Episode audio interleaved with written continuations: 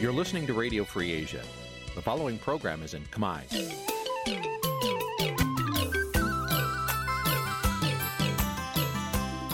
Nǐ chi càm bi tiệp xáy vệt chiu a zì sáy. នេះជាកម្មវិធីផ្សាយរបស់ Vithu Azisari ជាភាសាខ្មែរ វត្តឈូអាស៊ីសេរីសូមស្វាគមន៍លោកអ្នកនាងទាំងអស់ពីរដ្ឋធានី Washington នៃសហរដ្ឋអាមេរិក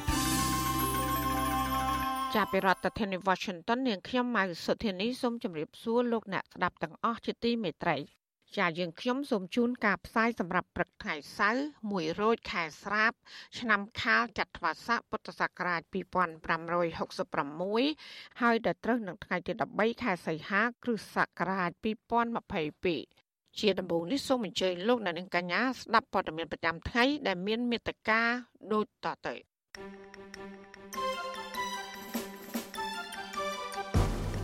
អ្នកជំនាញសិទ្ធិមនុស្សនៃអង្គការសហប្រជាជាតិ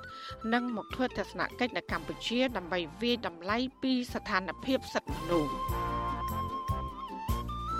រដ្ឋមន្ត្រីការពារជាតិលោកទាបាញ់ក្រុងទៅប្រទេសចិនដើម្បីពង្រឹងទំនាក់ទំនងយោធានៃប្រទេសទាំងពីរ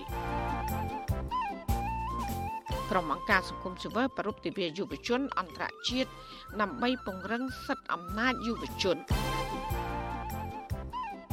សង្គមស៊ីវិលនៅតែសង្ស័យពីករណីពុករលួយដែលកប៉ាល់អាចលួចដឹកប្រេងឆៅចេញពីកម្ពុជា រួមនឹងព័ត៌មានផ្សេងផ្សេងមួយចំនួនទៀតជាបន្តទៅទៀតនេះនាងខ្ញុំម៉ៅសុធានីសូមជូនព័ត៌មានទាំងនោះពឺស្ដាប់ចាលោកនាយកជាទីមេត្រីអ្នករាយការណ៍ពិសេសរបស់អង្គការសហប្រជាជាតិស្ដីពីស្ថានភាពសិទ្ធិមនុស្សនៅកម្ពុជាលោកសាស្ត្រាចារ្យវិទិតមុនតបូន ក្រុងមកធ្វើទស្សនកិច្ចនៅកម្ពុជាចាប់ពីថ្ងៃទី15ដល់ថ្ងៃទី26ខែសីហា ដើម្បីវិយតម្លៃពីស្ថានភាពសិទ្ធិមនុស្សនិងលទ្ធិប្រជាធិបតេយ្យ សេចក្តីប្រកាសព័ត៌មានរបស់អង្គការសហប្រជាជាតិនៅទីក្រុង Geneva ប្រទេសស្វីសកាលពីថ្ងៃទី12ខែសីហាឲ្យដឹងថាលោកសាស្ត្រាចារ្យវិទិតមុនតបូននឹងពិនិត្យមើលពីកិច្ចប្រឹងប្រែងរបស់រដ្ឋាភិបាលដើម្បីធ្វើឲ្យប្រសើរឡើង គ្រប់បញ្ហាសិទ្ធិមនុស្សក្នុងនោះ រួមមានទាំងសិទ្ធិនយោបាយសិទ្ធិបរដ្ឋសិទ្ធិផ្នែកសេដ្ឋកិច្ចសង្គមនិងវប្បធម៌ក្រោយពីការរាតត្បាតនៃជំងឺ Covid-19 លោកវិទិតបុនតបូនឲ្យដឹងតាមរយៈសេចក្តីប្រកាសព័ត៌មានថាក្នុងដំណើរទស្សនកិច្ចនោះលោកក្រុងជួបពិភាក្សាដោយផ្ទាល់ជាមួយនឹងតំណាងរដ្ឋាភិបាល អ្នកការពារសិទ្ធិមនុស្សនិងអ្នកពាក់ព័ន្ធទាំងអស់ដើម្បីវាយតម្លៃពីស្ថានភាពសិទ្ធិមនុស្សនិងការខិតខំប្រឹងប្រែងរបស់កម្ពុជា ក្នុងការអនុវត្តច្បាប់សិទ្ធិមនុស្សអន្តរជាតិ បន្ថែមពីនេះលោកក៏នឹងជួបជាមួយនឹងមន្ត្រីរដ្ឋាភិបាលតាំងពីថ្នាក់ជាតិរហូតដល់ថ្នាក់មូលដ្ឋាន មន្ត្រីអង្គការសង្គមស៊ីវិលជាតិនិងអន្តរជាតិព្រមទាំងតំណាងពាក់ព័ន្ធផ្សេងទៀតក្នុងអំឡុងពេលដែលលោកធ្វើទស្សនកិច្ចនៅកម្ពុជា។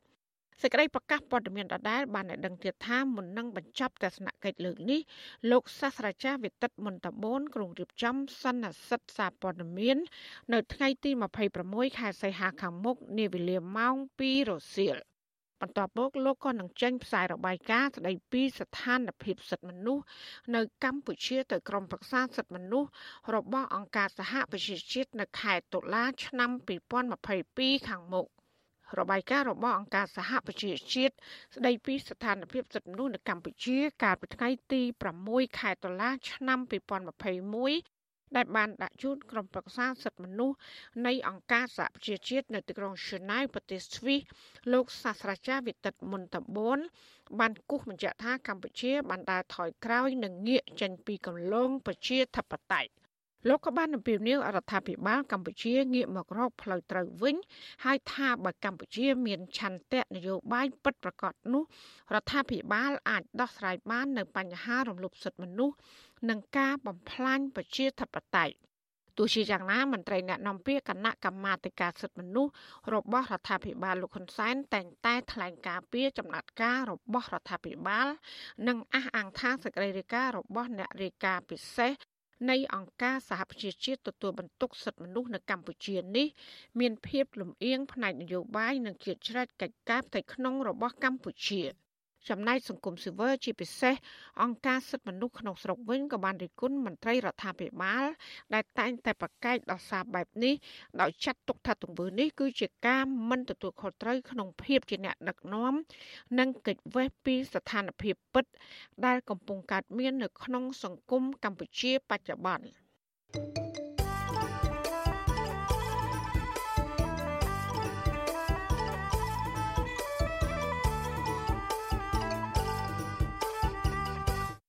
ចាលោកនានីជាទីមេត្រីរដ្ឋមន្ត្រីក្រសួងការពារជាតិលោកទាបាញ់និងដឹកនាំគណៈប្រតិភូជាន់ខ្ពស់នៃកងយុទ្ធពលខេមរភូមិន្ទទៅបំពេញទស្សនកិច្ចផ្លូវការនៅសាធារណរដ្ឋប្រជាមានិតចិន រយៈពេល4ថ្ងៃគឺចាប់ពីថ្ងៃទី13ដល់ថ្ងៃទី16ខែសីហាដើម្បីពង្រឹងកិច្ចសហប្រតិបត្តិការយោធា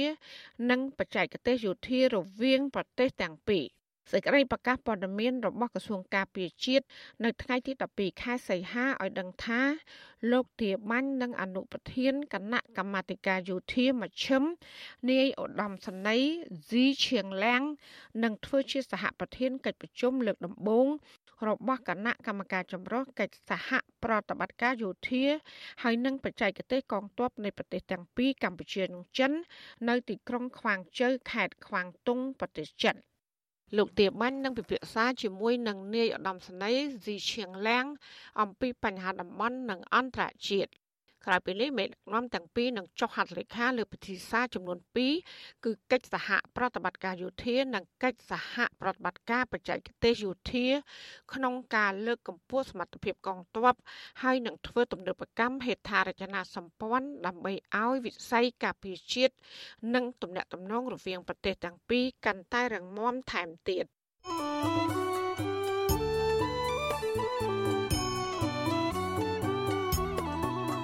ចាលោកនាងជាទីមេត្រីក្រោយទៅពីការស្ដាប់ការផ្សាយរបស់វិទ្យុអសីស្រីតាមបណ្ដាញសង្គម Facebook និង YouTube លោកនាងកញ្ញាក៏អាចស្ដាប់ការផ្សាយរបស់យើង តាមរយៈរលក ធាតុអាកាសខ្លីឬ Short Wave ដូចតទៅចាប់ពីព្រឹកចាប់ពីម៉ោង5កន្លះដល់ម៉ោង6កន្លះគឺតាមរយៈរលកធាតុអាកាសខ្លី12140 kHz ស្មើនឹងកម្ពស់ 25m និង13715 kHz ស្មើនឹងកម្ពស់ 22m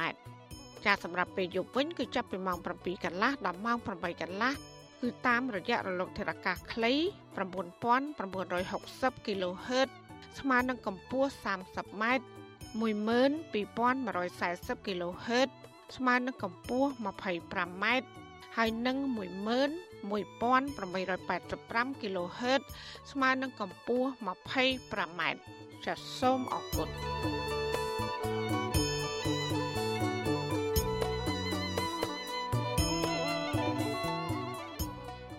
ចាលោកនានីជាទីមេត្រីមន្ត្រីសង្គមស៊ីវិលនិងមេធាវីការពារក្តីលោកសៀមភ្លុកស្នើសុំឲ្យតុលាការដោះលែងស្ថាបនិកគណៈបកបេដងជាតិឲ្យនៅក្រៅឃុំព្រោះការចោទប្រកាន់នេះមិនត្រឹមត្រូវតាមច្បាប់ ការលើកឡើងនេះធ្វើឡើងបន្ទាប់ពីចៅក្រមស៊ើបសួរសាលាដំបងរាជធានីភ្នំពេញសម្រាប់បិទការស៊ើបសួរលើសំណុំរឿងនេះចាប់ពីរដ្ឋធានី Washington លោកយ៉ងច័ន្ទដារារាយការណ៍ព័ត៌មាននេះ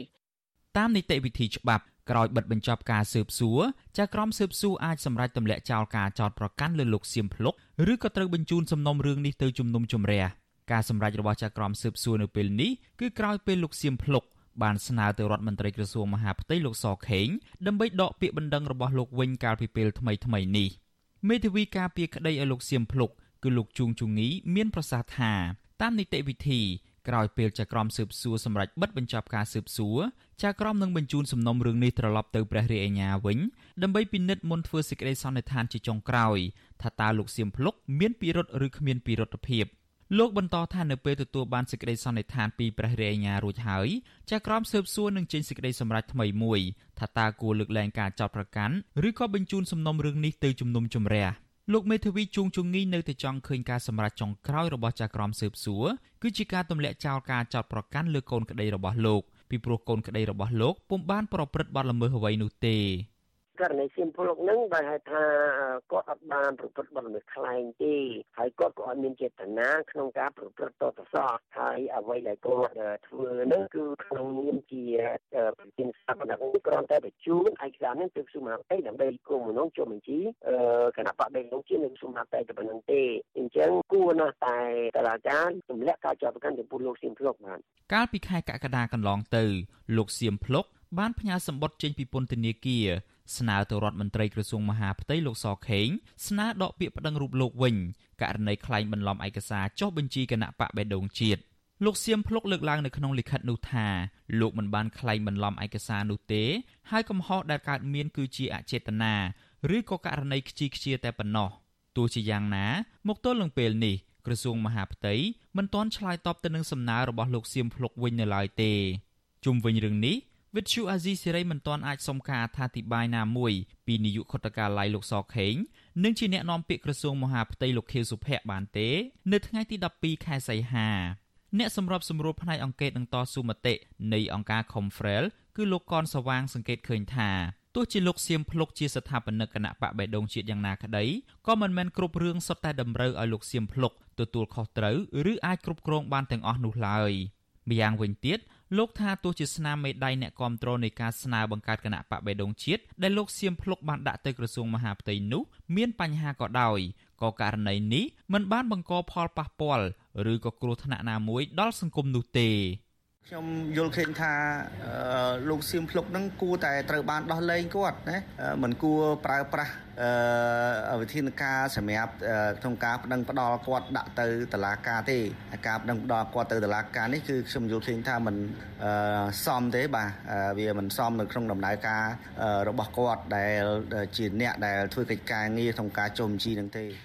លោកសៀមភ្លុកធ្លាប់បានប្រាប់តុលាការថា លោកមិនបានក្លែងបន្លំឯកសារនៅក្នុងការបង្កើតគណៈបកបេដងជាតិឡើយលោកបញ្ជាក់ទៀតថាលោកក៏មិនមែនជាអ្នកចោះផ្ទាល់ទៅប្រមូលស្នាមមេដៃរបស់អ្នកគាំទ្រនោះដែរគឺតំណាងគណៈបកនៅតាមមូលដ្ឋានជាអ្នករៀបចំមន្ត្រីអង្គការសង្គមស៊ីវិលផ្នែកកិច្ចការបោះឆ្នោតលើកឡើងថានីតិវិធីនៃច្បាប់បោះឆ្នោតមិនបានចែងដាក់ទោសប្រមទ័នលើតំណាងគណៈបកនយោបាយនៅក្នុងដំណើរការនៃការស្នើសុំចុះបញ្ជីគណៈបកនោះទេគិតមកដល់ពេលនេះ ស្ថាបនិកគណៈបកបៃដងជាតិលោកសៀមភ្លុកបានបាត់បង់សិទ្ធិសេរីភាពជាង100ថ្ងៃហើយក្រោយពីរដ្ឋមន្ត្រីក្រសួងមហាផ្ទៃលោកសខេងបានប្តឹងលោកពីបទក្លែងបន្លំនិងប្រើប្រាស់លិខិតក្លែងពាក់ព័ន្ធទៅនឹងការស្នើសុំបង្កើតគណៈបកបៃដងជាតិកាលពីឆ្នាំ2021ទោះជាយ៉ាងណាមេធាវីការពីក្តីនិងអង្គការសង្គមស៊ីវិលលើកឡើងស្របគ្នាថាសំណុំរឿងនេះគឺមានចរិតនយោបាយជាងការអនុវត្តច្បាប់ដោយត្រឹមត្រូវ។ ខ្ញុំយ៉ងច័ន្ទដារាវិទ្យុអាស៊ីសេរីរាយការណ៍ពីរដ្ឋធានី Washington ចាលោកនាងកញ្ញាកំពុងស្ដាប់ការផ្សាយរបស់វិទ្យុអាស៊ីសេរីផ្សាយចេញពីរដ្ឋធានី Washington ប្រពន្ធមន្ត្រីគណៈបកភ្លើងទៀនដែលកំពុងជាប់ឃុំនៅឯខេត្តបាត់ដំបង រំពឹងថាតឡាការនឹងដោះលែងប្តីឲ្យមានសេរីភាពឡើងវិញក្រោយពីបានបញ្ចប់ការជំនុំជម្រះកាលពីថ្ងៃទី11ខែសីហាចំណែកឯមន្ត្រីសង្គមស៊ីវិលវិញ ក៏ជំរុញឲ្យតឡាការខេត្តបាត់ដំបងទម្លាក់ចោលបទចោត និងដោះលែងមន្ត្រីបកភ្លើងទៀនរូបនេះឲ្យមានសេរីភាពឡើងវិញត្បិតអង្គហេតុបង្ហាញថាលោកមិនបានប្រព្រឹត្តខុសនោះឡើយចាសសេចក្តីរាយការណ៍ពុស្ដាអំពីរឿងនេះលោកដានៀងនឹងបានស្ដាប់នាពេលបន្តិចទៀតនេះ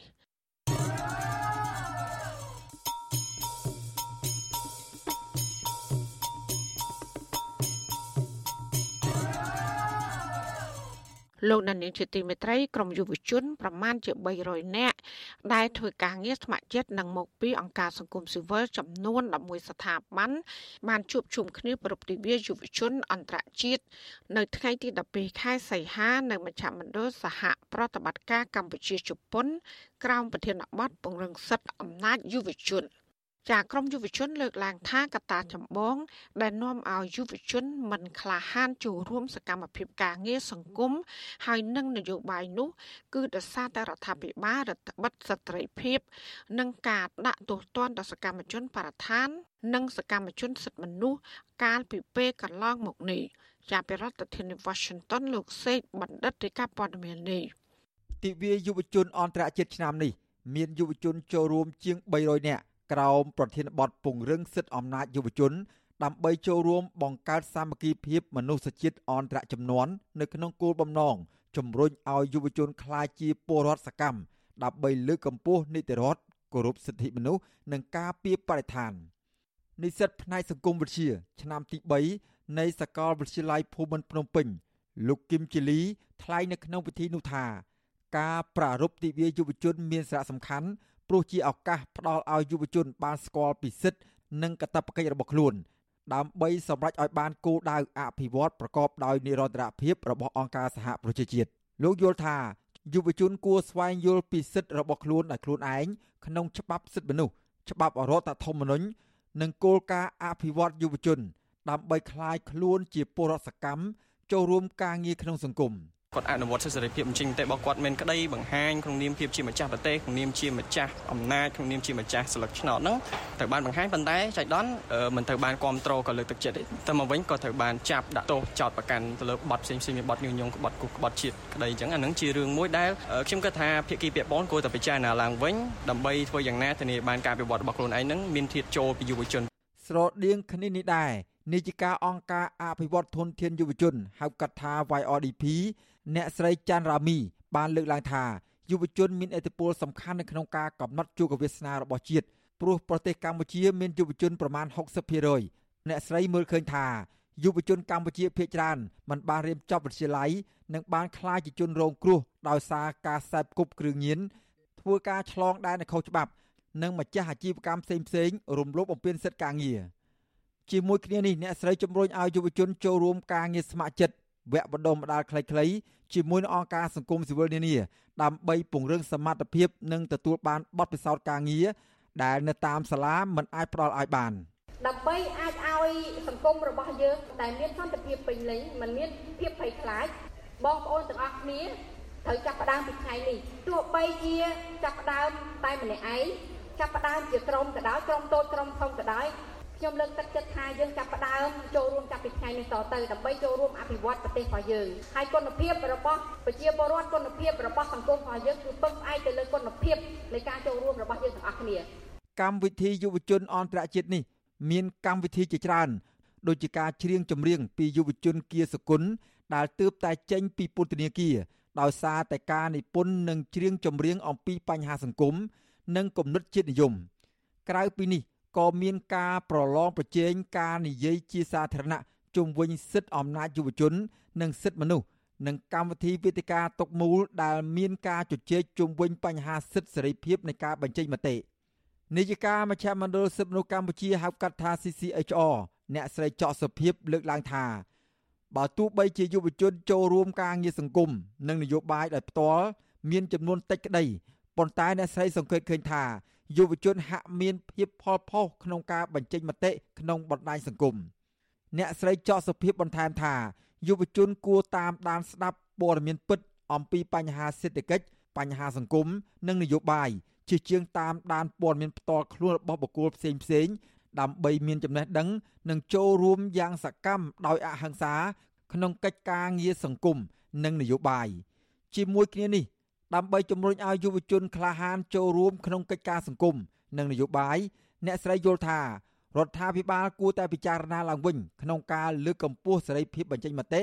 និងនីតិរដ្ឋដោយបញ្ឈប់ការប្រើប្រាស់ប្រព័ន្ធតុលាការមកគម្រាមកំហែងដល់សកម្មជនបរិស្ថាន និងសកម្មជនសិទ្ធិមនុស្សផ្សេងផ្សេងទៀត យុវជនត្រូវដើរតួជាពលរដ្ឋមួយដែលទទួលបានព័ត៌មានគ្រប់ជ្រុងជ្រោយហើយត្រូវតែជាពលរដ្ឋសកម្មសកម្មហ្នឹងគឺសំខាន់ណាស់ព្រោះបើយើងទទួលបានព័ត៌មានហើយយើងនៅអង្គុយស្ងៀមក៏វាអត់បានថាចូលរួមចំណែកនៅក្នុងសង្គមដែរចា៎ដោយឡែកនៅក្នុងថ្ងៃទិវាយុវជនអន្តរជាតិនេះដែរប្រធានអង្គការតម្លាភាពអន្តរជាតិកម្ពុជា លោកពេជ្រពិសីបានសរសេរនៅក្នុងទំព័រ Facebook របស់ខ្លួនថា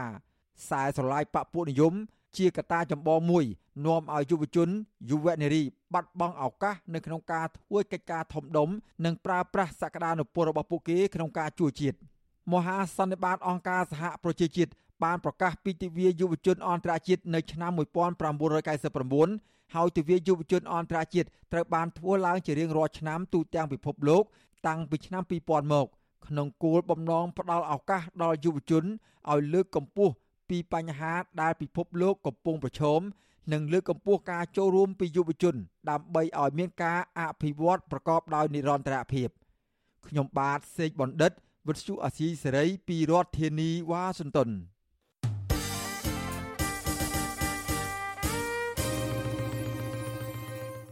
ចាលោកដានីជាទីមេត្រីពាក់ព័ន្ធនឹងការជួញដូរមនុស្សនៅកម្ពុជាវិញ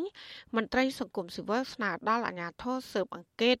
លើករណីជួញដូរមនុស្សដោយឈលលើភាពអព្យាក្រឹតនិងដំណាភាពដើម្បីឲ្យមហាជនមានជំនឿលើប្រព័ន្ធច្បាប់ការអំពាវនាវនេះធ្វើឡើងក្រោយដែលអាជ្ញាធរជាតិប្រយុទ្ធប្រឆាំងការជួញដូរមនុស្សអះអាងថារបាយការណ៍នានាដែលបានបង្ហាញពីអក្រិតកម្មជួញដូរមនុស្សលើទឹកដីកម្ពុជាចុងក្រោយនេះ សមត្ថកិច្ចក៏កំពុងបើកការស៊ើបអង្កេត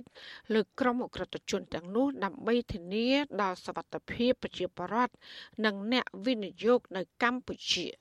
ចា៎នេះគឺជាសកម្មភាពរបស់លោកលេងម៉ាលីពីរដ្ឋធានី Washington រដ្ឋលេខាធិការក្រសួងមហាផ្ទៃនិងជាអនុប្រធានអចិន្ត្រៃយ៍នៃគណៈកម្មាធិការជាតិប្រយុទ្ធប្រឆាំងអំពើជួញដូរមនុស្សគឺលោកស្រីជូប៊ុនអេងថ្លែងថា ករណីអក្រិតកម្មជួញដូរមនុស្សរបស់ក្រុមអក្រិតជននៅកម្ពុជាបានប្រតិបត្តិការចាប់ជំរិតមនុស្សដោយមានកលល្បិចច្រើនទម្រង់អ្នកស្រីថាការជួញដូរមនុស្សរបស់ក្រុមអក្រិតជននៅកម្ពុជានៅតែបន្តកើតមានពីព្រោះពួកគេបានប្រើប្រាស់វិធីសាស្ត្របែបទំនើបក្នុងការជួញដូរមនុស្សនេះទោះជាយ៉ាងនេះក្តីអ្នកស្រីអះអាងថាអាញាធរកម្ពុជានឹងនៅតែបន្តសហការជាមួយអង្គការជំនាញនិងបណ្ដាប្រទេសជាមិត្តមួយចំនួន រួមគ្នាប្រឹងប្រែងបង្ក្រាបករណីជួញដូរមនុស្សនៅលើទឹកដីកម្ពុជា ដើម្បីធានាសុវត្ថិភាពប្រជាពលរដ្ឋនិងអ្នកវិនិយោគនៅកម្ពុជា។ ប៉ុន្តែដោយសារតែយើងឃើញហើយថាវាមានសកម្មភាពថ្មីទៀតរបស់ជនល្មើសដែលយើងបានឃើញបានទទួលយកការផ្សព្វផ្សាយពីប្រព័ន្ធព័ត៌មានហ្នឹងដែលបានលើកឡើងអំពីបទល្មើសថ្មីថ្មីដែលកើតមានលើទឹកដីកម្ពុជាចំពោះយើងខ្ញុំដែលជាអ្នកធ្វើការងារប្រយុទ្ធប្រឆាំងពលជួញដូរមនុស្សគឺយើងឈឺចាប់ខ្លាំងណាស់ពីព្រោះយើងខំប្រឹងប្រែងអស់ពីសមត្ថភាពដើម្បីការពារប្រជាពលរដ្ឋមិនឲ្យរងគ្រោះដោយអំពើជួញដូរមនុស្សតែទីបំផុតគេនៅតែយកទឹកដីកម្ពុជាដើម្បីមកធ្វើបទល្មើសឲ្យយើងប្រឈម អ្នកស្រីលើកឡើងបែបនេះនៅក្នុងសន្និសីទសារព័ត៌មានស្ដីពីស្ថានភាពនៃការជួញដូរមនុស្សនៅកម្ពុជា ដែលរៀបចំដោយអង្គភាពអ្នកណែនាំពាក្យរាជរដ្ឋាភិបាលនៅថ្ងៃទី12ខែសីហាអ្នកស្រីជូប៊ុនអេងក៏បានឆ្លើយតបទៅនឹងរបាយការណ៍របស់សហរដ្ឋអាមេរិកដែលទម្លាក់ចំណាត់ថ្នាក់កម្ពុជាមកកម្រិតទី3ដែលមានន័យថាស្ថានភាពការជួញដូរនៅកម្ពុជាស្ថិតក្នុងស្ថានភាពដ៏អាក្រក់អ្នកស្រីថាកម្ពុជាមិនបានបដិសេធរបាយការណ៍របស់សហរដ្ឋអាមេរិក ហើយនឹងទទួលយកដោយស្មារតីទទួលខុសត្រូវនិងបន្តខិតខំប្រឹងប្រែងទប់ស្កាត់និងបង្ក្រាបករណីជួញដូរមនុស្សនៅកម្ពុជាបន្តទៀតក្រៅពីនេះអ្នកស្រីបន្ថែមថារបាយការណ៍របស់ស្ថាប័នសារព័ត៌មានអន្តរជាតិដែលបានលាតត្រដាងអំពីអក្រិតកម្មជួញដូរមនុស្សកំពុងប្រតិបត្តិការនៅលើទឹកដីកម្ពុជានារយៈពេលចុងក្រោយនេះអ្នកស្រីស្វាគមន៍ក្នុងការផ្ដល់កិច្ចសហប្រតិបត្តិការជាមួយអាជ្ញាធរកម្ពុជា អ្នកស្រីអះអាងទៀតថា អាជ្ញាធរជំនាញក៏កំពុងបើកការស៊ើបអង្កេតទៅលើទីតាំងនិងអ ுக ្រិតកម្មជួញដូរមនុស្សតាមបែបបច្ចេកវិទ្យានៅលើទឹកដីកម្ពុជាដែរជុំវិញរឿងនេះនាយកទទួលបន្ទុកផ្នែកសិទ្ធិមនុស្សនៃអង្គការលីកាដូលោកអំសំអាត សាទរចំពោះចំណាត់ការអាជ្ញាធរក្នុងការស៊ើបអង្កេតករណីជួញដូរមនុស្សដែលត្រូវបានលាតត្រដាងដោយស្ថាប័នអន្តរជាតិអំពីការឆបោកនិងចាប់ជំរិតមនុស្សតាមបែបទំនើបលោកបន្ថែមថាទន្ទឹមគ្នានឹងក្រុមអក្រិតជនជួញដូរមនុស្ស ដោយប្រើមធ្យោបាយកាន់តែទំនើបនេះអាជ្ញាធររដ្ឋាភិបាលក៏គួរតែមានការវិវត្តយន្តការទប់ស្កាត់និងអនុវត្តច្បាប់ឲ្យបានតឹងរ៉ឹងលើជនល្មើសដែលជាប់ពាក់ព័ន្ធនឹងអំពើជួញដូរមនុស្សនេះដែរ សំខាន់ការប្រឹងប្រែងនៃការស៊ើបអង្កេតរបស់រដ្ឋាភិបាលបង្ហាញអំពីឆន្ទៈពិតប្រាកដនៅក្នុងការទប់ស្កាត់និងការបង្ក្រាបហើយជាពិសេសមានតែលទ្ធផលនៃការស្រាវជ្រាវការស៊ើបអង្កេតឲ្យបង្ហាញជារបាយការណ៍ទេដែលអាចធ្វើឲ្យមានជំនឿទុកចិត្តក៏ដូចជាការពីមុខមាត់របស់រដ្ឋាភិបាលសារព័ត៌មានអន្តរជាតិធំធំនិងអាជ្ញាធរនៃប្រទេសក្នុងតំបន់អាស៊ីអាគ្នេយ៍មួយចំនួនបានរាយការណ៍មកជាបន្តបន្ទាប់ចំពោះករណីអ ுக ្រិតកម្មជួញដូរមនុស្ស និងការចាប់បង្ខាំងមនុស្សធ្វើទារុណកម្មបង្ខំឲ្យធ្វើការឆបោកតាមប្រព័ន្ធអ៊ីនធឺណិតដែលប្រតិបត្តិការដោយក្រុមហ៊ុនចិន នៅលើទឹកដីខ្មែរស្ថាប័នអន្តរជាតិមួយចំនួនបានលាតត្រដាងថាក្រុមហ៊ុនចិនឆបោកនៅកម្ពុជាដំណើរការទៅបានសេរីដោយសារក្រុមហ៊ុនចិនទាំងនោះសុទ្ធសឹងតែមានទំនាក់ទំនងគ្នាយ៉ាងស្អិតរមួតជាមួយលោកនាយករដ្ឋមន្ត្រីហ៊ុនសែននិងក្រុមមន្ត្រីព្រមទាំងអង្គការដែលមានឥទ្ធិពលក្នុងជួររដ្ឋាភិបាលលោកហ៊ុនសែន របាយការណ៍របស់ក្រសួងការបរទេសសហរដ្ឋអាមេរិកស្តីពីការជួញដូរមនុស្សឆ្នាំ2022ចេញផ្សាយកាលពីខែកក្កដាបានទម្លាក់ចំណាត់ថ្នាក់កម្ពុជាមកកម្រិតទី3ដែលមានន័យថាអាក្រក់បំផុត និងពុំធ្លាប់មានទេចាប់តាំងពីឆ្នាំ2015មករបាយការណ៍អាមេរិកបង្ហាញថាកម្ពុជាដើរថយក្រោយនិងគ្មានឆន្ទៈក្នុងការលុបបំបាត់ការជួញដូរមនុស្សដោយសារតែបញ្ហាអំពើពុករលួយជាប្រព័ន្ធរារាំងដល់ការអនុវត្តច្បាប់លើក្រុមជនល្មើស ដែលជាប់ពាក់ព័ន្ធនឹងករណីជួញដូរមនុស្សនៅកម្ពុជាខ្ញុំបាទលេងម៉ាលីវិទ្យុអស៊ីសេរីរាយការណ៍ពីរដ្ឋធានី Washington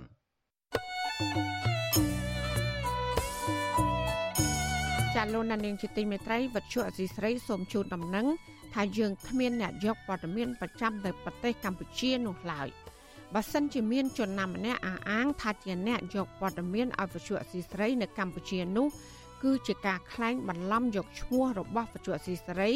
ក្នុងគោលបំណងទុច្ចរិតរបស់បុគ្គលនោះចាសសូមអរគុណ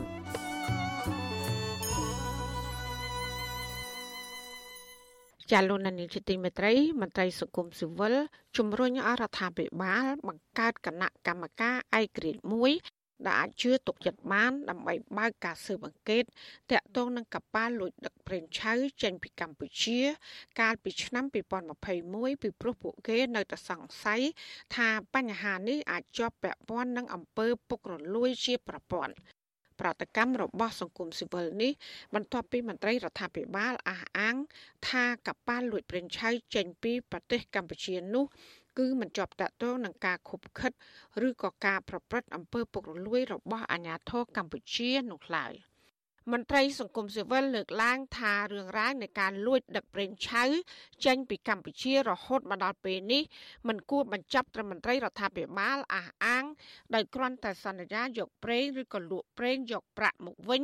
ដើម្បីឲ្យបរដ្ឋអស់មន្ទិលសង្ស័យដោយគ្មានរបាយការណ៍ស្រាវជ្រាវស្វែងរកការពិតប្រាកដនោះឡើយ។ ស្ថាបនិកចលនាមេដាធម្មជាតិលោក Alejandro Gonzalez Davidson លើកឡើងថាករណីកប៉ាល់លួចដឹកប្រេងឆៅរាប់ម៉ឺនបារ៉ែលចេញពីកម្ពុជា គឺមិនចម្លែកទេដែលរដ្ឋាភិបាលលោកហ៊ុនសែនមិនទទួលស្គាល់កំហុសរបស់ខ្លួន។ ក៏ប៉ុន្តែបញ្ហាសំខាន់លោកថាអាញាធរទាំងនោះគឺអសមត្ថភាពដែលធ្វើឲ្យប៉ះពាល់ដល់មុខមាត់ជាតិនិងទំនុកចិត្តរបស់អ្នកវិនិយោគក្នុងវិស័យប្រេងកាតហើយហេតុផល ដែលបកស្រាយរបស់មន្ត្រីរដ្ឋាភិបាលទៀតសោតក៏មិនអាចជឿទុកចិត្តបានដែរ លោកជំរុញអាជ្ញាធរពាក់ព័ន្ធបង្កើតក្រុមការងារស៊ើបអង្កេតដោយឯករាជ្យតបទៅនឹងសំណើរបស់អង្គការសង្គមស៊ីវិលដើម្បីរកមូលហេតុពិតប្រាកដបញ្ជាក់ថាតើហេតុអ្វីបានជាក្រុមហ៊ុន Chris Energy ខ្សែធនហើយថាតើកប៉ាល់ឲ្យលួចដឹកប្រេងឆៅនោះជាប់តាក់ទងនឹងអំពើពុករលួយឬក៏ការខុបខិត ជាមួយមន្ត្រីពីថ្នាក់លើរហូតដល់ថ្នាក់ក្រោមដែរឬទេដរាបណាมันមានការស៊ើបអង្កេតជាក់លាក់ ដែលអាចទុកចិត្តបាន យើងនៅតែចោទថាពុកកលពុកកលួយផងនៅតែចោទថាអ្នកឯងគឺអសមត្ថភាពកម្ពុជាពាក្យសម្ដីរបស់អ្នកនាំពាក្យនៃក្រសួងហ្នឹងគឺអស់តម្លៃយូរហើយគ្មានអាចជឿទេអ្វីដែលអាចជឿហ្នឹងគឺរបាយការណ៍អព្យាក្រឹតឲ្យមានគុណភាពពីក្រមឯករាជ្យ ប្រតិកម្មរបស់មន្ត្រីសង្គមស៊ីវិលរូបនេះបន្ទាប់ពីមន្ត្រីជាន់ខ្ពស់ក្រសួងរ៉ែនិងធម្មពលលោកហេងគុនលៀងកាលពីថ្ងៃទី9ខែសីហាអះអាង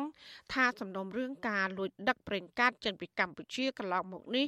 គឺមិនជាប់ពាក់ព័ន្ធអំពើពុករលួយឬក៏ការសូកប៉ាន់របស់មន្ត្រីរដ្ឋាភិបាល និងមន្ត្រីថ្នាក់ក្រោមណាម្នាក់ឡើយ លោកលើកហេតុផលថាក្រុមហ៊ុន Chris Energy ខ្សែធនដោយសារតែគ្មានលុយបង់ថ្លៃដឹកជញ្ជូនទៅកប៉ាល់នោះដឹកប្រេងរត់គេចពីកម្ពុជាទៅប្រទេសជិតខាងស្ងាត់ស្ងាត់ លោកហេងគុនលៀងបញ្ជាក់ថាបច្ចុប្បន្នកប៉ាល់ប្រេងឆៅនោះបានយកទៅរក្សាទុកនៅប្រទេសថៃហើយភាគីទាំងអស់ក៏បានឯកភាពគ្នាដោយគ្រោងចុះកិច្ចព្រមព្រៀងឆាប់ឆាប់នេះក្នុងនោះកម្ពុជាទទួលបាន70%នៃប្រេងកាតសរុបចំណែក30%ទៀតកប៉ាល់ដឹកប្រេងទទួលបាន26%និង4%ទៀតប្រកួតទៅឲ្យម្ចាស់បំណុលក្រុមហ៊ុន Chris Energy នឹងស្នើសុំគោលការណ៍ឯកភាពពីប្រមុខរដ្ឋាភិបាលលើលទ្ធផលនៃការចរចានេះប្រសិនបើប្រមុខរដ្ឋាភិបាលឯកភាពលើលទ្ធផលនៃការចរចានេះហើយយើងនឹងអាចចុះកិច្ចព្រមព្រៀងដោះស្រាយបញ្ហានេះបានឆាប់ហើយយើងនឹងអាចលក់ប្រេងហើយយកផលប្រេងនេះមកដែលយើងត្រូវទទួលបានតាមកិច្ចព្រមព្រៀងប្រេងកាតនេះមកបម្រើផលប្រយោជន៍របស់ជាតិយើងបានវិញមិនមានការបាត់បង់ទេ ក្រុមហ៊ុន Chris Energy បានបញ្ឈប់ដំណើរការបូមប្រេងទាំងស្រុងនៅអណ្ដូងអប្សរានៃប្លុក A និងបានប្រកាសខ្សែធនកាលពីខែមិថុនាឆ្នាំ2021ក្រុមហ៊ុនបញ្ជាក់ថាមូលហេតុចម្បងមួយក្នុងចំណោមមូលហេតុជាច្រើនទៀតគឺការធ្លាក់ចុះកម្រិតប្រេងដែលរកឃើញនៅអណ្ដូងអប្សរានោះ អាញាធរឥណ្ឌូនេស៊ីកាលពីចុងខែកក្កដាបានចាប់កប៉ាល់ដឹកប្រេងមួយគ្រឿងនិងឃាត់ខ្លួនសមាជិកនាវិក18នាក់ដែលបានដឹកប្រេងឆៅចេញពីកម្ពុជា ប្រមាណជា30ម៉ឺនធុងដែលមានតម្លៃជាង20លានដុល្លារចូលដែនសមុទ្រប្រទេសឥណ្ឌូនេស៊ីអាញាធរឥណ្ឌូនេស៊ីអះអាងថាការខាត់កប៉ាល់ដឹកប្រេងឆៅពីកម្ពុជានេះ មិនមែនតាមសំណើរបស់កម្ពុជានោះទេក៏ប៉ុន្តែមូលហេតុនៃការខាត់កប៉ាល់នោះគឺដោយសារតែកប៉ាល់បានរំលោភដែនសមុទ្រឥណ្ឌូនេស៊ី ប្រធានសមាគមសម្ព័ន្ធនិស្សិតបញ្ញវន្តខ្មែរលោកកើតសារាយនៅតែយល់ថាកប៉ាល់លួចប្រេងឆៅចេញពីកម្ពុជាដោយរលូនគឺអាចមកពីអំពើពុករលួយជាប្រព័ន្ធខណៈនៅកម្ពុជា មានកេរ្តិ៍ឈ្មោះមិនល្អនៅក្នុងករណីរឿងនេះលោកបន្តថាបើសិនពេលនោះអាញាធរឥណ្ឌូនេស៊ីចាប់មិនបានកប៉ាល់លួចដឹកប្រេងវិញបរដ្ឋខ្មែរអាចមិនដឹងអំពីរឿងធនធានដំបងរបស់ខ្លួនត្រូវបានគេលួចទាំងនេះទេ នៅទន្ទឹមនេះលោករំពឹងថារដ្ឋាភិបាល មានឆន្ទៈដោះស្រាយបញ្ហានេះប្រកបដោយតម្លាភាព និងប្រសិទ្ធភាពជូនសាធារណជនទូទៅឲ្យបានអស់ចិត្តដោយសារការអះអាងរបស់អាជ្ញាធរពុំមានភ័ស្តុតាងដែលគួរឲ្យជឿជាក់នៅឡើយ។ អានឹងគឺជាកំហុសរបស់មន្ត្រីអាជ្ញាធរហើយដែលត្រូវទទួលស្គាល់ថាអសមត្ថភាពនៅក្នុងការត្រួតពិនិត្យទៅលើបញ្ហានេះប៉ុន្តែដំណោះខុសត្រូវរបស់អាជ្ញាធរវាជាទំនួលហើយប៉ុន្តែយើងមើលឃើញថាប្រទេសដែលមានអំពើពុករលួយហ្នឹងការដឹកចេញបានដោយរលូននេះយើងមិនជាប្របាក់យល់ប្រហែលទេថាក្នុងនោះវាច្បាស់ជាមានបង្កប់ដោយអំពើពុករលួយពីកម្រិតណាមួយហើយនៅក្នុងនោះបញ្ហាបូមប្រេងហាក់បានជាคล้ายជារឿងអាម៉ាស់សម្រាប់លោកនាយករដ្ឋមន្ត្រីហ៊ុនសែននិងរដ្ឋាភិបាលរបស់លោក រឿងអាម៉ាស់គឺនៅត្រង់ថាលោកហ៊ុនសែនបានប្រកាសក្តែងក្តែងជាច្រើនឆ្នាំមកហើយថាកម្ពុជានឹងក្លាយជាប្រទេសផលិតប្រេងដោយខ្លួនឯងក្រោយពីបានរកឃើញរ៉ែប្រេងកាតនៅក្នុងដែនសមុទ្រខ្មែរហើយមានក្រុមហ៊ុនបរទេសជាច្រើនចង់វិនិយោគបន្ថែមពីនេះគឺប្រេងដែលក្រុមហ៊ុន Chris Energy បូមបានចំនួនជិត3សែនធុងឬបារ៉ែលនោះបែរជាត្រូវបានគេលួចដឹកចេញពីកម្ពុជាយកទៅបាត់ អ្វីដែលរដ្ឋាភិបាលលោកហ៊ុនសែនមាននៅក្នុងដៃនៅពេលនេះគឺដំណក់ប្រេងមួយកែវដែលរដ្ឋមន្ត្រីការពារជាតិលោកទាបាញ់បានធ្វើពិធីដង្ហែយ៉ាងហឹកហាក់យកទៅដាក់នៅវិមានឈ្នះឈ្នះកាលពីខែមិថុនាឆ្នាំ2021ខណៈដែលប្រេងឆៅជិត3សែនធុងដែលមានតម្លៃលើសពី20លានដុល្លារនោះរដ្ឋាភិបាលនៅមិនទាន់បានទាមទារយកមកវិញនៅឡើយ។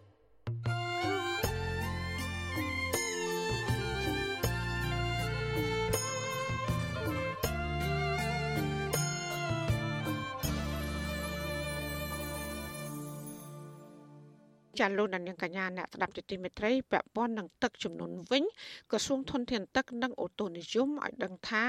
ស្ថានភាពទឹកទន្លេមេគង្គនិងទន្លេស្រែពកដែលស្ថិតក្នុងខេត្តស្ទឹងត្រែងនិងខេត្តរតនគិរី បានហក់ឡើងដល់កម្រិតប្រកាសអាសន្ន ចាមន្ត្រីសង្គមស៊ីវិលស្នើដល់អាជ្ញាធរខេត្តទាំងពីរនេះឲ្យផ្ដល់ព័ត៌មានឲ្យបានទូលំទូលាយពីការបើកបង្ហូរទ្វារទឹក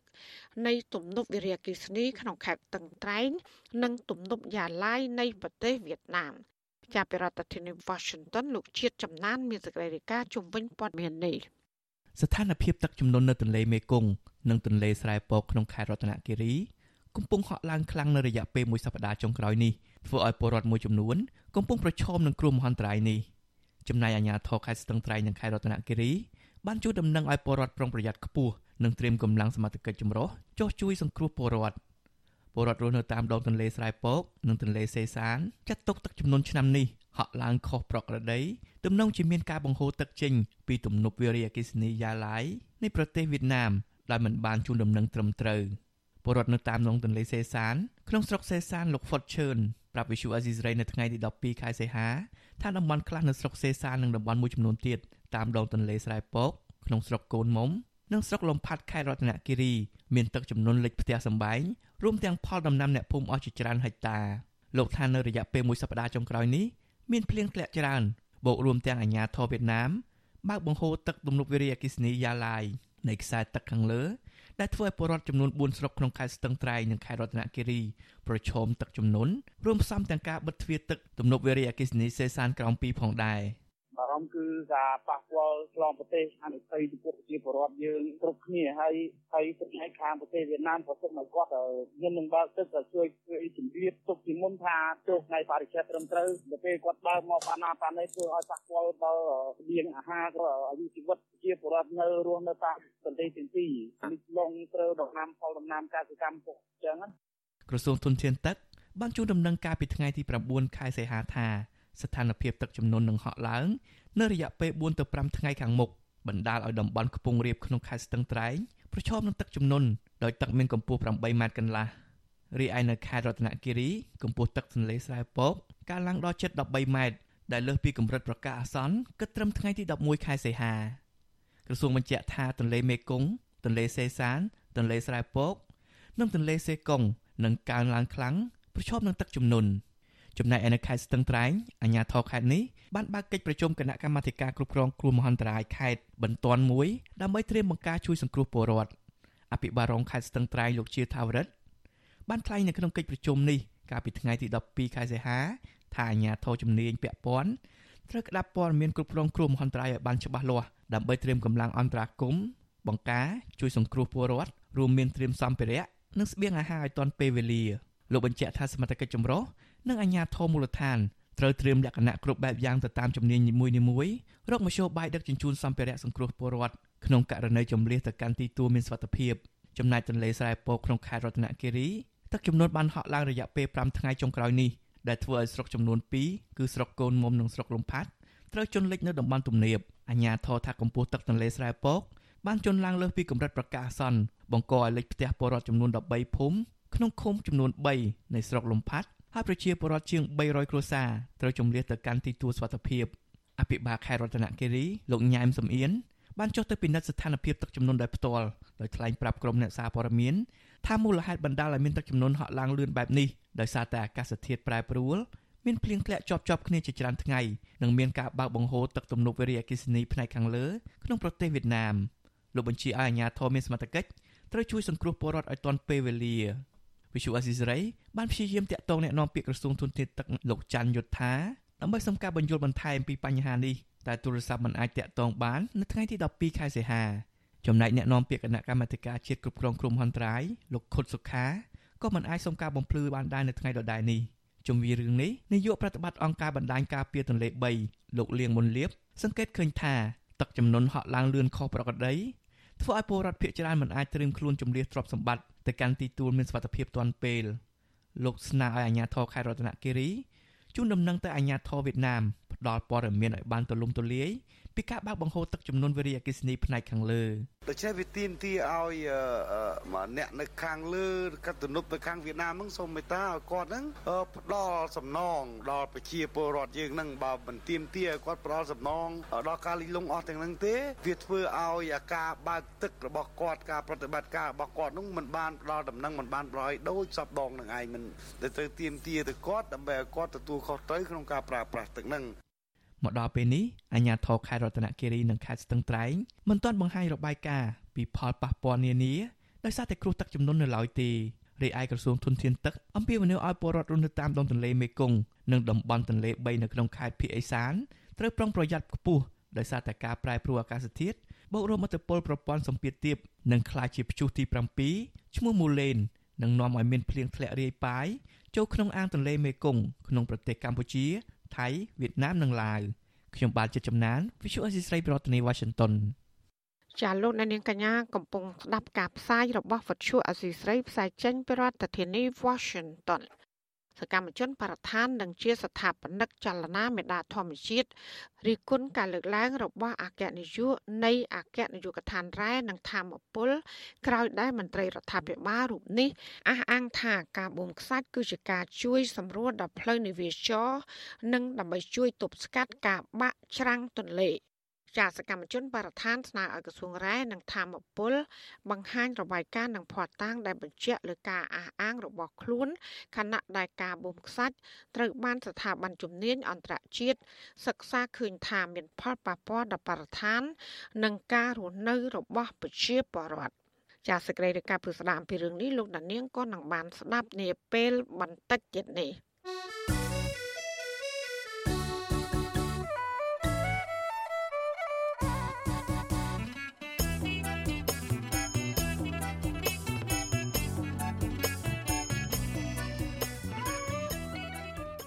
ចាលោកណានីជាទីមេត្រីប្រពន្ធមន្ត្រីគណៈបកភ្លើងទៀនដែលកំពុងជាប់ឃុំនៅអាខេត្តបាត់ដំបងរំពឹងថាតឡាការខេត្តនេះនឹងដោះលែងប្តីឲ្យមានត្រីភាពឡើងវិញក្រោយពីបានបញ្ចប់ការជំនុំជម្រះកាលពីថ្ងៃទី11ខែសីហា ចំណែកឯមន្ត្រីសង្គមស៊ីវិលវិញក៏ជំរុញអតឡាការខេត្តបាត់ដំបងទម្លាក់ចោលបទចោទប្រកាន់និងដោះលែងមន្ត្រីបកភ្លើងទៀនរូបនេះឲ្យមានត្រីភាពឡើងវិញត្បិតអង្គហេតុបង្ហាញថាលោកមិនបានប្រព្រឹត្តខុសនោះឡើយជាលោកទីនសាការីយ៉ាមានសេចក្តីរាយការណ៍ពឹស្ដាជំវិញព័ត៌មាននេះតឡការខេត្តបាត់ដំបងបានសម្រេចបើកសវនាការជំនុំជម្រះមន្ត្រីគណៈបកភ្លើងទៀនលោកលីសុខុនពីបទរំលោភលើលំនៅឋាននៅព្រឹកថ្ងៃទី11សីហា ក្រោយពីឃុំខ្លួនអស់រយៈពេលជាង2ខែមកនេះពាក់ព័ន្ធនឹងករណីថតរូបអាញាធរមូលដ្ឋាននិងមន្ត្រីគណៈបកប្រជាជនកម្ពុជាអង្គុយកត់ឈ្មោះបរដ្ឋដែលទៅបោះឆ្នោតឃុំសង្កាត់ប្រពន្ធរបស់លោកលីសុខុនគឺលោកស្រីលីនលីដាប្រាប់វិទ្យុអាស៊ីសេរីនៅថ្ងៃទី11សីហាថានៅក្នុងសវនាការចៅក្រមបានសាកសួរទៅកាន់ប្តីរបស់លោកស្រី ថាបានចូលទៅក្នុងលំនៅឋាននោះដែរឬទេនិងពីមូលហេតុនៃការចូលទៅទីនោះលោកស្រីបន្តថាប្តីលោកស្រីនឹងសាកសីម្នាក់ទៀត បានអះអាងថាលោកមិនបានចូលទៅក្នុងរបងផ្ទះឈ្មោះសុកលឹមនោះឡើយទន្ទឹមនឹងគ្នានេះស្វាមីរបស់លោកស្រីក៏មិនបានពោលពាក្យគំរាមកំហែងឬមានគោលបំណងអាក្រក់ណាមួយនោះទេគឺលោកគ្រាន់តែបំពេញទៅតាមទូនាទីក្នុងនាមជាអ្នកសង្កេតការនៅពេលបោះឆ្នោតតែប៉ុណ្ណោះលោកស្រីស្នើឲ្យតុលាការកាត់ក្តីដោយយុត្តិធម៌និងដោះលែងប្តីឲ្យត្រឡប់មករស់នៅជួបជុំគ្រួសារវិញ។ សូមសំណូមពរដល់ខាងតឡាការសូមឲ្យគាត់កាត់ក្តីសូមឲ្យបានដោះលែងគ្រូសាខ្ញុំត្រឡប់មកវិញឲ្យមានសេរីភាពព្រោះអីគាត់អត់មានទោសកំហុសអីទេចឹងណាអ្នកដែលដាក់ពាក្យប្តឹងក៏គាត់មកដកពាក្យប្តឹងអីហើយអស់ហើយចឹងវាអត់មានរឿងអីទេមេធាវីការពារក្តីឲ្យលោកលីសុខុនគឺលោកមេធាវីសំសកុងឲ្យដឹងថានៅក្នុងសវនាការចៅក្រមនឹងព្រះអាញារងសួរផ្ដោតទៅលើចំណុចថាតើលោកលីសុខុនពិតជាបានចូលទៅក្នុងបរិវេណផ្ទះនោះដែរឬទេ លោកថាបើយោងទៅតាមភ័ស្តុតាងជាក់ស្ដែងនឹងការផ្ដល់ចម្លើយពីសាកសីផ្ទះរបស់លោកសុកលីមមិនមានរបងនោះទេព្រមទាំងមានចាក់សាបស៊ីម៉ង់នៅក្បែរផ្លូវលោកបន្តថាផ្អែកតាមអង្គហេតុនិងផ្លូវច្បាប់ ការចោទប្រកាន់ពីបទរំលោភនៅឋានលុះត្រាតែជនបង្ក បានប្រព្រឹត្តអំពើហិង្សា មានកលល្បិចឬគំរាមកំហែងណាមួយដើម្បីចូលលំនៅឋាននោះលោកបន្តថាក្នុងសំណុំរឿងនេះមិនមានភ័ស្តុតាងណាមួយបញ្ជាក់ថា កូនក្តីរបស់លោកពិតជាបានចូលទៅក្នុងលំនៅឋានឈ្មោះសុកលីមនោះឡើយដោយផ្ទះនោះគ្មានរបងនិងនៅជាប់មាត់ផ្លូវដែលនេះចាត់ទុកថាស្ថិតនៅទីកន្លែងសាធារណៈ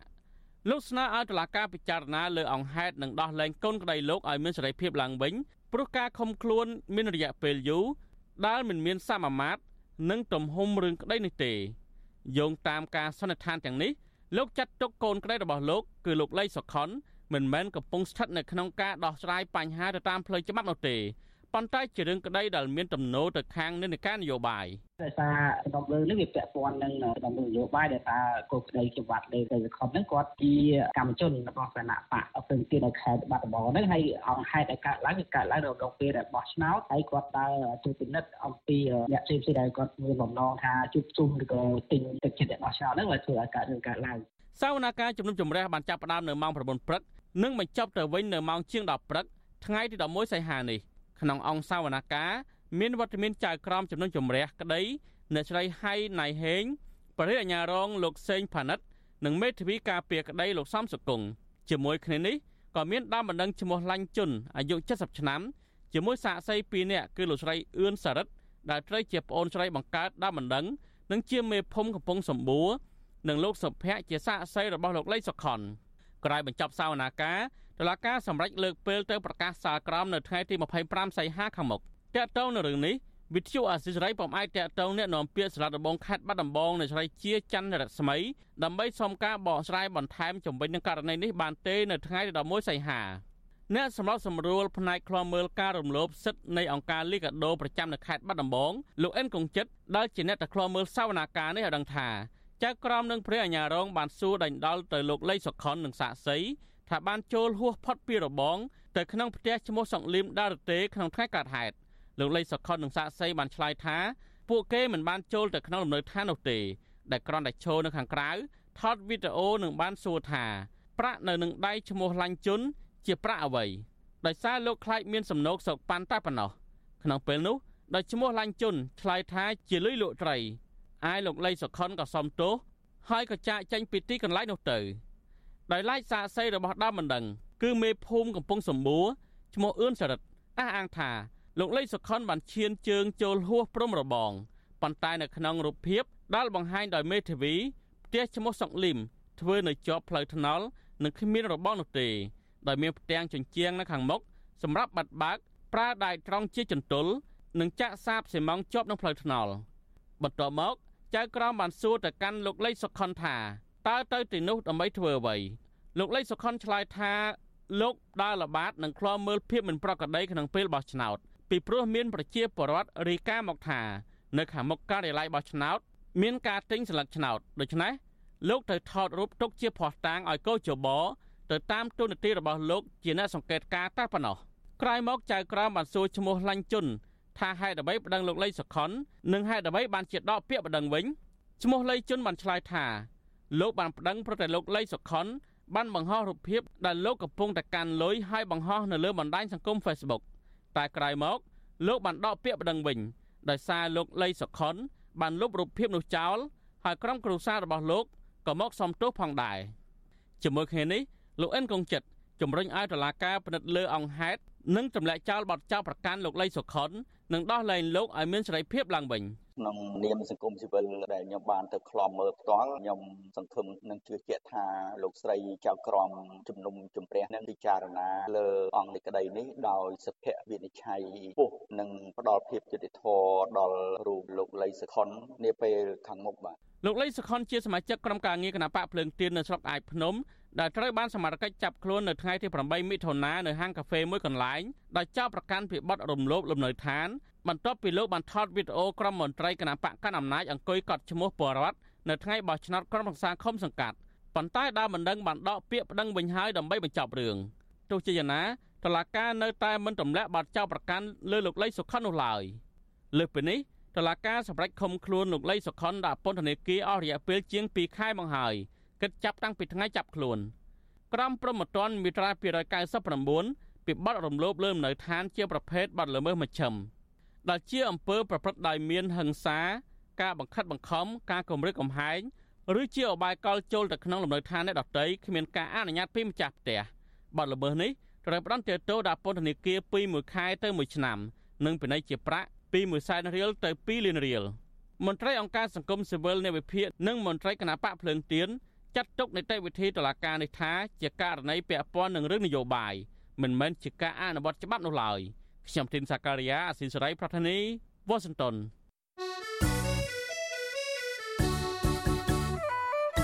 ចាលោកនាងជាទីមេត្រីក្នុងឱកាសនេះដែរនាងខ្ញុំសូមថ្លែងអំណរគុណដល់លោកនាងកញ្ញាដែលតែងតែមានភក្ដីភាពចំពោះការផ្សាយរបស់យើង ហើយចាត់ទុកការស្ដាប់វិទ្យុអសីស្រីជាផ្នែកមួយនៃសកម្មភាពប្រចាំថ្ងៃរបស់លោកអ្នកចាការគ្រប់គ្រងរបស់លោកនាងនេះហើយដែលធ្វើយើងខ្ញុំមានទឹកចិត្តកាន់តែខ្លាំងបន្ថែមទៀតក្នុងការស្វែងរកនិងផ្តល់ព័ត៌មាន សម្រាប់ជូនលោកនាង ចាំមានអ្នកស្ដាប់និងអ្នកទស្សនាកាន់តែច្រើនកាន់តែធ្វើឲ្យយើងខ្ញុំមានភាពស្វាហាប់មោះមុតជាបន្តទៀតចាយើងខ្ញុំសូមអរគុណទុកជាមុនហើយក៏សូមអញ្ជើញលោកដានៀងកញ្ញាចូលរួមជំរុញសកម្មភាពផ្តល់ព័ត៌មានរបស់យើងនេះឲ្យកាន់តែបានជោគជ័យបន្ថែមទៀតចាលោកដានៀងអាចជួយយើងខ្ញុំបានដោយគ្រាន់តែចុច ចែករំលែកឬ share ការផ្សាយរបស់យើងខ្ញុំនៅលើបណ្ដាញសង្គម Facebook និង YouTube ទៅកាន់មិត្តភ័ក្តិរបស់លោកនាងដើម្បីឲ្យការផ្សាយរបស់យើង បានទៅដល់មនុស្សកាន់តែច្រើនចាសសូមអរគុណចាលោកនាងកញ្ញាកំពុងស្ដាប់ការផ្សាយរបស់វិទ្យុអសីស្រីផ្សាយចេញពីរដ្ឋធានី Washington សកម្មជនបរិស្ថាននិងជាស្ថាបនិកចលនាមេដាធម្មជាតិរីគុណការលើកឡើងរបស់អគ្គនាយកនៃអគ្គនាយកដ្ឋានរ៉ែនិងធម្មពលក្រោយដែលមន្ត្រីរដ្ឋាភិបាលរូបនេះអះអាងថាការបូមខ្សាច់គឺជាការជួយសម្រួលដល់ផ្លូវនាវាចរនិងដើម្បីជួយទប់ស្កាត់ការបាក់ច្រាំងទន្លេ ចាសកម្មជនបរិស្ថានស្នើឲ្យក្រសួងរ៉ែនិងធម្មពល បង្ហាញរបាយការណ៍និងភស្តុតាងដែលបញ្ជាក់លើការអះអាងរបស់ខ្លួនខណៈដែលការបូមខ្សាច់ត្រូវបានស្ថាប័នជំនាញអន្តរជាតិសិក្សាឃើញថាមានផលប៉ះពាល់ដល់បរិស្ថាន ហើយនឹងការរស់នៅរបស់ប្រជាពលរដ្ឋចាសសូមលោកនាងស្ដាប់សេចក្តីរាយការណ៍ពិស្ដាររបស់លោកយ៉ងច័ន្ទរាមមួយទៀតជុំវិញព័ត៌មាននេះដូចតទៅ សកម្មជនបរិស្ថានបញ្ចេញមតិជំទាស់ថាការលើកឡើងរបស់មន្ត្រីជាន់ខ្ពស់នៃក្រសួងរាយនឹងធម្មពលលោកអឹងឌីប៉ូឡាកាលពីថ្ងៃទី9ខែសីហាដែលថារាល់ការអនុញ្ញាតឲ្យមានការធ្វើអាជីវកម្មបូមខ្សាច់ត្រូវបានឆ្លងកាត់ការសិក្សាច្បាស់លាស់ខណៈការបូមខ្សាច់នេះក៏បានជួយសម្រួលដល់ផ្លូវនាវាចរនិងជួយទប់ស្កាត់កុំឲ្យបាក់ច្រាំងនោះគឺជាការគួរហកបោកប្រាស់និងគ្មានភ័ស្តុតាងច្បាស់លាស់ ស្ថាបនិកចលនាមេដាធម្មជាតិលោក Alejandro Gonzalez Davidson ប្រាប់វិទ្យុអាស៊ីសេរីនៅថ្ងៃទី12ខែសីហាថាក្រសួងរាយនឹងធម្មពលតែងតែលើកឡើងនៅពាក្យបែបនេះជាច្រើនដងមកហើយដែលប្រៀបដូចជាការច្រៀងនៅបទចម្រៀងដដែលដដែលទោះបីជាស្ថាប័នអន្តរជាតិដែលមានជំនាញនៅក្នុងរឿងនេះសិក្សាឃើញថាការបូមខ្សាច់ពិតជាមានផលប៉ះពាល់ដល់បរិស្ថាន និងការរស់នៅប្រចាំថ្ងៃរបស់ប្រជាជននៅតំបន់នោះពិតប្រាកដមែន លោកថាបើយោងទៅតាមការសិក្សាស្រាវជ្រាវរបស់ស្ថាប័នជំនាញនិងឯករាជ្យការបូមខ្សាច់បានធ្វើឲ្យប៉ះពាល់ទៅដល់ជីវិតមច្ឆជាតិក្នុងទន្លេហើយជះឥទ្ធិពលទៅលើទិន្នផលនេសាទរបស់ប្រជាពលរដ្ឋផងដែរលើពីនេះទៅទៀតការបូមខ្សាច់បានធ្វើឲ្យប៉ះពាល់ដល់ច្រាំងទន្លេនិងបណ្ដាលឲ្យមានការបាក់ច្រាំងជាបន្តបន្ទាប់នៅតំបន់ដែលមានអាជីវកម្មបូមខ្សាច់ដែលសកម្មការបាក់ច្រាំងនេះបានប៉ះពាល់ទៅដល់ប្រជាពលរដ្ឋរាប់រយគ្រួសារ ដោយខ្លះត្រូវបាត់បង់ផ្ទះសម្បែងទាំងស្រុងដោយសារបាក់ស្រុតដីចូលទៅក្នុងទន្លេ លោកបន្ថែមទៀតថាលោកបន្ថែមទៀតថាទោះបីក្រសួងធនធានទឹកនិងអូតូនិយមធ្លាប់បានលើកឡើងពីបញ្ហានេះថាមានផលប៉ះពាល់ពិតប្រាកដក្តីក៏លោកនៅតែឃើញមានអាជីវកម្មបូមខ្សាច់មួយចំនួននៅតែបន្តសកម្មភាពបូមយ៉ាងអនាធបត័យតាមរយៈការចេញអាជ្ញាប័ណ្ណពីក្រសួងរាយនឹងធម្មពល សកម្មជនបរិស្ថានជនជាតិអេស្ប៉ាញលោកអាលិចជំរុញឲ្យក្រសួងរាយនឹងធម្មពលបង្ហាញឯកសារពាក់ព័ន្ធរបាយការណ៍និងការវិតម្លៃពីហេតុប៉ះពាល់បរិស្ថានឬ EIA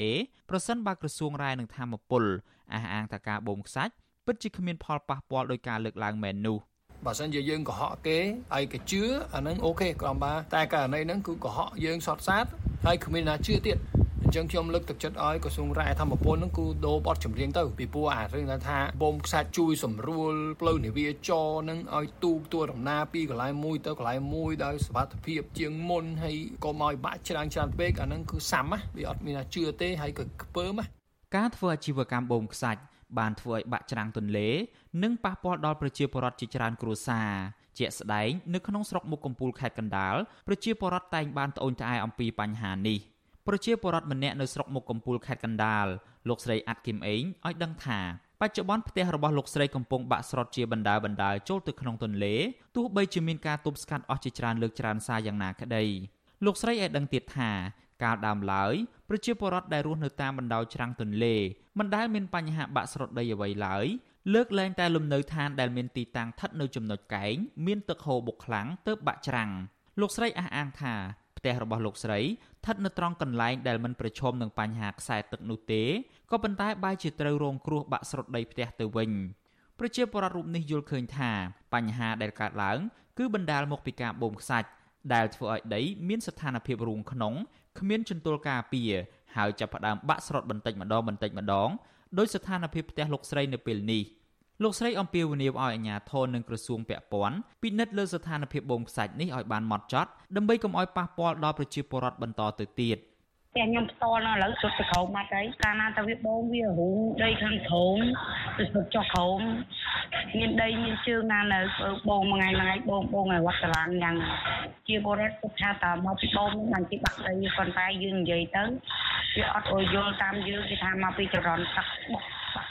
វិទ្យុអាស៊ីសេរីនៅពុំទាន់អាចតាក់ទងអគ្គនាយកនៃអគ្គនាយកដ្ឋានធនធានរ៉ែនៃក្រសួងរ៉ែនិងធម្មពលលោកអឹងឌីប៉ូឡាដើម្បីសុំការឆ្លើយតបទៅនឹងការរិះគន់នេះបាននៅឡើយទេនៅថ្ងៃទី12ខែសីហាទោះជាយ៉ាងណានៅក្នុងពេលធ្វើបទបង្ហាញលទ្ធផលការងាររបស់ក្រសួងរាយនឹងធម្មពលកាលពីថ្ងៃទី9ខែសីហាលោកអឹងឌីប៉ូឡា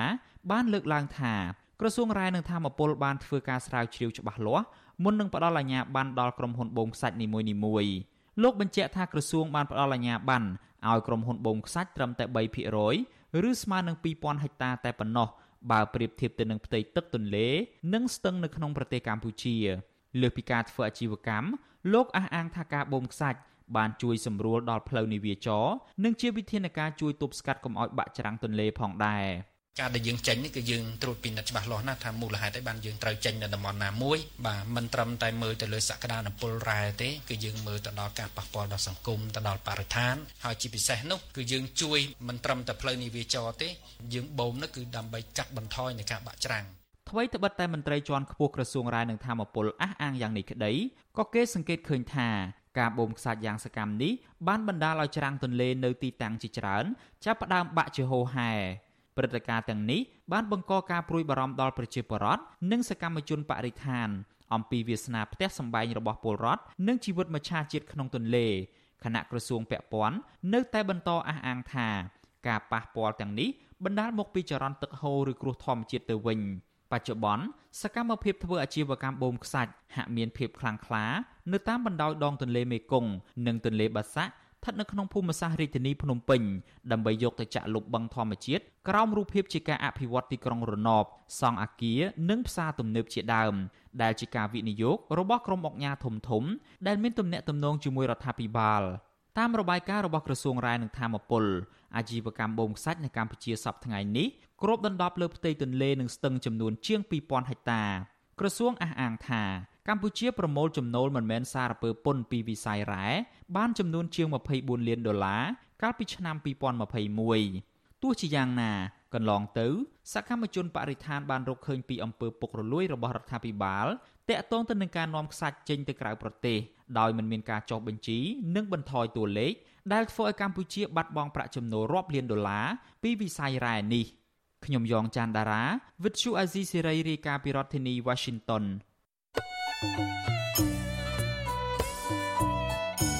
ចាលោកនាងជាទីមេត្រីវិទ្យុអសីស្រីសូមជូនដំណឹងថាយើងគ្មានអ្នកយកព័ត៌មានប្រចាំនៅប្រទេសកម្ពុជានោះឡើយបើសិនជាមានជនណាម្នាក់អះអាងថាជាអ្នកយកព័ត៌មានឲ្យវិទ្យុអសីស្រីនៅកម្ពុជានោះគឺជាការក្លែងបន្លំយកឈ្មោះរបស់វិទ្យុអសីស្រី ក្នុងគោលបំណងទុច្ចរិតរបស់បុគ្គលនោះចាសសូមអរគុណ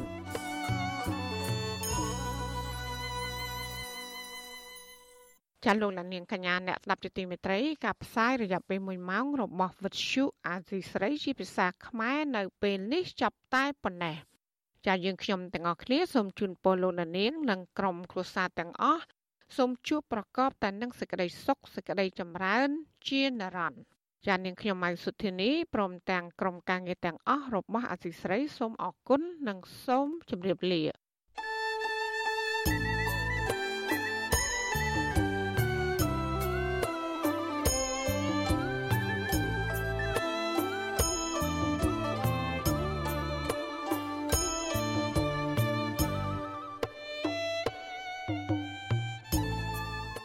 វិទ្យុអាស៊ីសេរីផ្សាយតាមរលក ធាតុអាកាសខ្លីឬ shortwave តាមកម្រិតនិងកម្ពស់ដូចតទៅនេះពេលព្រឹកចាប់ពីម៉ោង5កន្លះដល់ម៉ោង6កន្លះតាមរយៈរលកធាតុអាកាសខ្លី12140 kHz ស្មើនឹងកម្ពស់ 25m និង13715 kHz ស្មើនឹងកម្ពស់ 22m ពេលយប់ចាប់ពីម៉ោង7កន្លះដល់ម៉ោង8កន្លះតាមរយៈរលកធាតុអាកាសខ្លី 9960 kHz ស្មើនឹងកម្ពស់ 30m 12140 kHz ស្មើនឹងកម្ពស់ 25m និង11885 kHz ស្មើនឹងកម្ពស់ 25m